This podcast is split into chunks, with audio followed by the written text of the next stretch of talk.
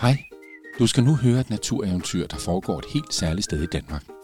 Med appen Natureventyr kan du tage ud og opleve det på netop det særlige sted. Lige nu skal du dog bare læne dig tilbage og bruge din fantasi til at forestille dig, at du selv er lige der, hvor eventyret foregår. Er du klar? Har du tændt for fantasien? Så går vi i gang. Kapitel 1. Fyrmesterens søn. Velkommen til Hanstholm Fyr. Her boede engang en dreng, der hed Viggo. Vigos far var nemlig fyrmester her på Hanstholm Fyr. Ved du, hvad en fyrmester er? Det var ham, der i gamle dage sørgede for, at fyret lyste, så skibene ude på havet kunne finde vej i tåge og mørke og holde sig fri af Jyllands farlige kyststrækning. Viggo var tit med sin far oppe i tårnet, der dengang lyste kraftigere end noget andet fyrtårn i hele verden. Så fortalte hans far historier om stormvejr og uhyggelige skibsforlis, hvor store sejlskibe var gået på grund og slået i stykker af de voldsomme bølger ved Vesterhavet. Ja, men nu øh, viser fyret heldigvis skibene på rette vej, sagde hans far beroligende og lagde en hånd på Vigos lyse hår. Vigos mor fortalte også historier, men de handlede ikke om skibsforlis og stormvejr. De handlede om vildmarksfolket, som boede ude på den barske og øde klithede. Man sagde, at de kunne tale med de vilde dyr, og et hvert vildmarksbarn fik et totemdyr, som blev dets ven og beskytter resten af livet. Nu er det din tur til at finde dit totemdyr, sagde Vigos mor en dag, da hun havde fortalt om vildmarkskvinden Kaja med den store havørn. Det var hende, der hjalp alle vildmarksbørnene med at finde deres totemdyr. Hvad mener du? spurgte Viggo og kiggede undrende på sin mor. Han var jo fyrmesterens søn og ikke noget vildmarksbarn. Gå om i fyrhaven, min dreng. Kaja venter på dig, sagde hans mor og sendte ham ud i haven. Kapitel 2. Vildmarkskvinden Kaja. Er du Kaja? spurgte Viggo og kiggede imponeret på den enorme ørn med det store, gule, krumme næb og de hvide halefjer. Kvinden nikkede. Jeg er også din bedste mor, sagde hun så og smilede, da hun så overraskelsen i Vigos ansigt. Din mor voksede op på heden, før hun forelskede sig i din far og flyttede ind i fyrmesterboligen. Viggo smilede stort. Hvor sejt altså. Så var han jo faktisk et vildmarksbarn. Du er nu blevet otte år, og det er blevet din tur til at tage ud og lære vildmarkens dyr at kende. Og på rejsen vil du møde dit totemdyr, sagde Kaja og lagde en hånd på hans skulder. Viggo rankede ryggen og smilede stort. Han var stensikkert et naturtalent til det der med naturen og dyrene, når nu hans bedstemor var selveste Kaja. Viggo kunne ikke vente med at komme afsted. Gav vide, hvor stort og sejt et dyr, der må skulle blive hans totemdyr. Husk, at selv det mindste dyr har store evner, sagde Kaja og kiggede indgående på Viggo. Min havørn vil følge dig det første stykke. Kaja sendte ørnen på vingerne, og Viggo lagde hovedet tilbage og kiggede efter den. Deroppe på himlen, der lignede den en flyvende dør. Viggo satte i løb ind mellem træerne, mens han forsøgte at holde øje med den store ørn. Kapitel 3. Mark Firbenet I det samme Viggo forlod fyrhaven, tabte han havørnen af syne. Han besluttede sig for at kravle op på højen med den store sten. Her var altid en god udsigt, så måske kunne han få øje på Kajas havørn deroppe. Det kunne jo også være, at han selv skulle have sin helt egen havørn som totemdyr. Han var jo trods alt Kajas barnebarn.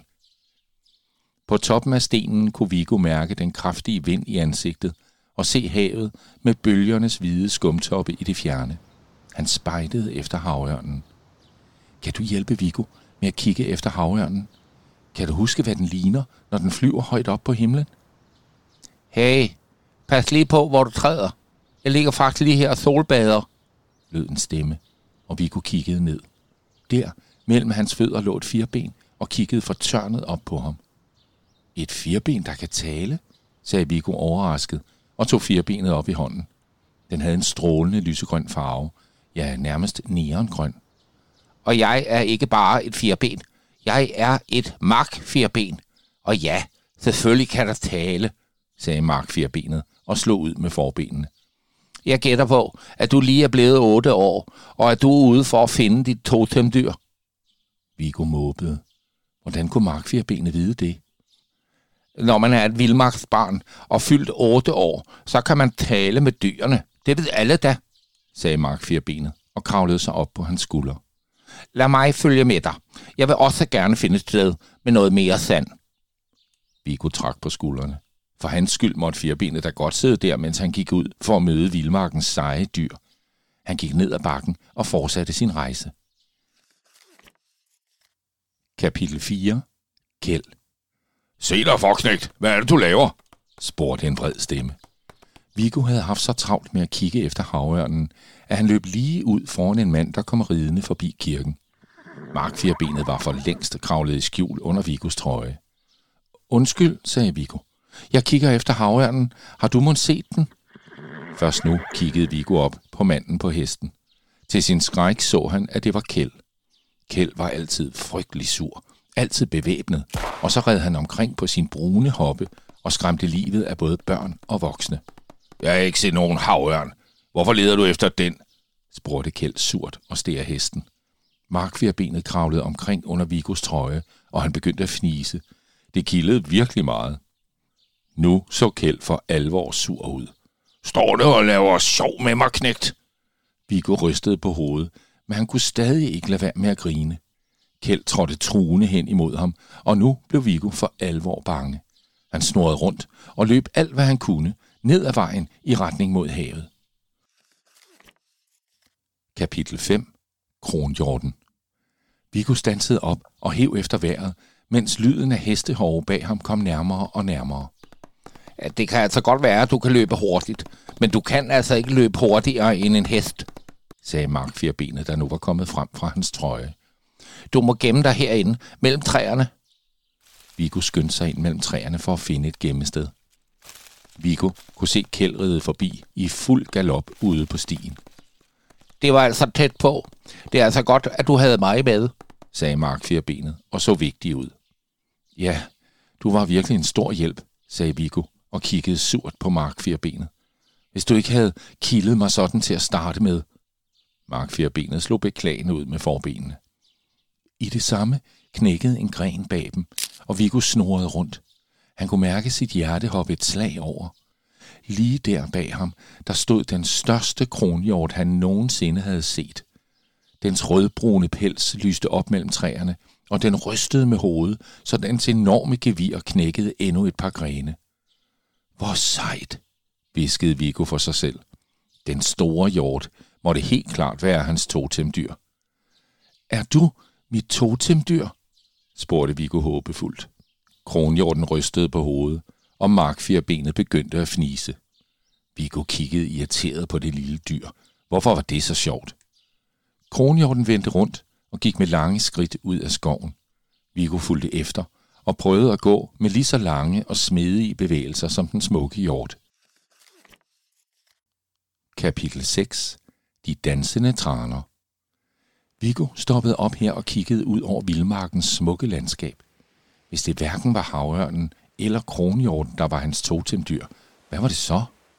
Se, der kommer tranerne, sagde Mark Fjerbenet og kravlede helt op i Vikus hår.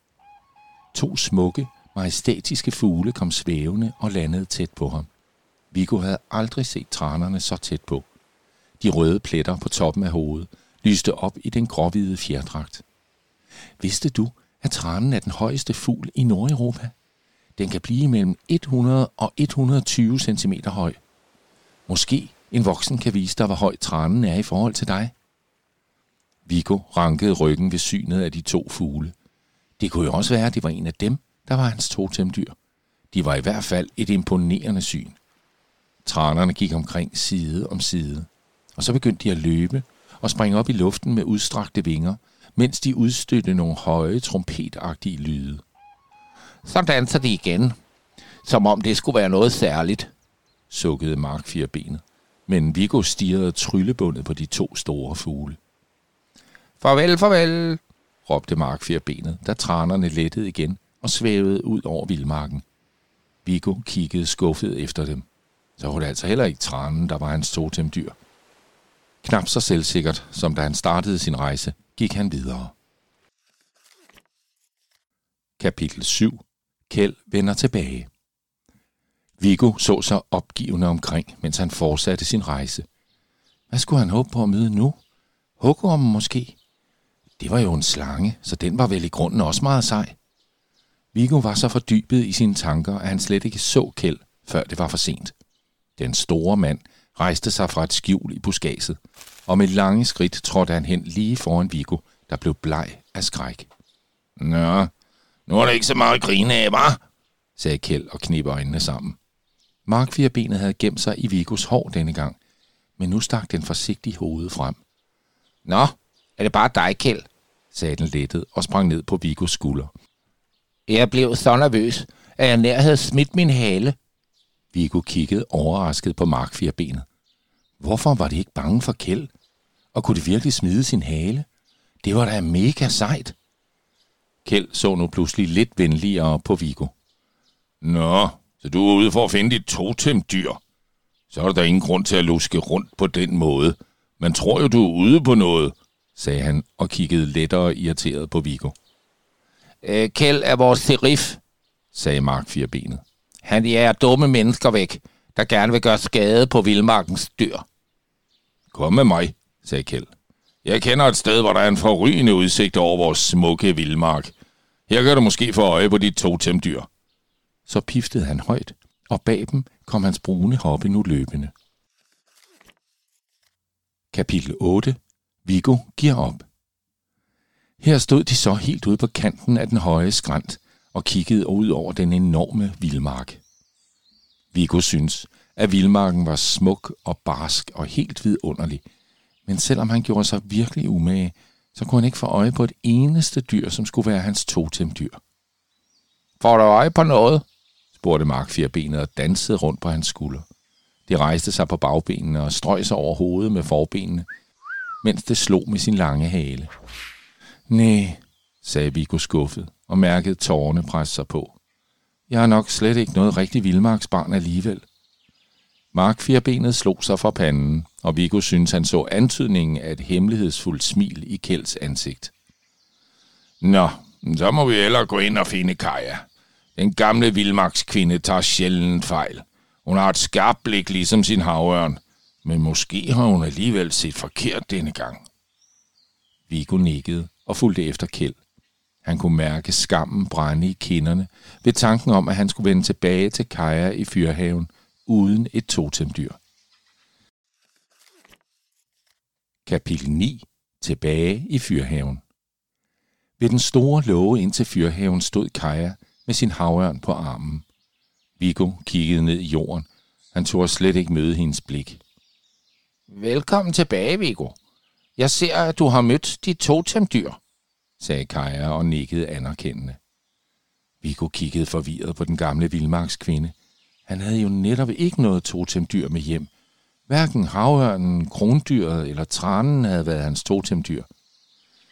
Ved syn af hans forvirring smilede Kaja mildt til ham, og med latter i stemmen sagde hun, Dit totemdyr fandt dig det allerførste sted, du besøgte, og det har fulgt dig trofast lige siden. Hallo, sagde Mark firbenet og bankede på Vigos hoved med sit ene forben. Er det dig, der er mit totemdyr? spurgte Vigo overrasket. Ja, hvorfor tror du ellers, jeg har siddet heroppe og styret dig, udenom alle mulige farer? spurgte Mark firbenet opgivende og kravlede ned af hans arm. Viggo løftede armen og kiggede ind i Mark firbenets skyldne øjne. Så smilede han stort. Hans totemdyr var godt nok ikke særlig stort, men det var hurtigt.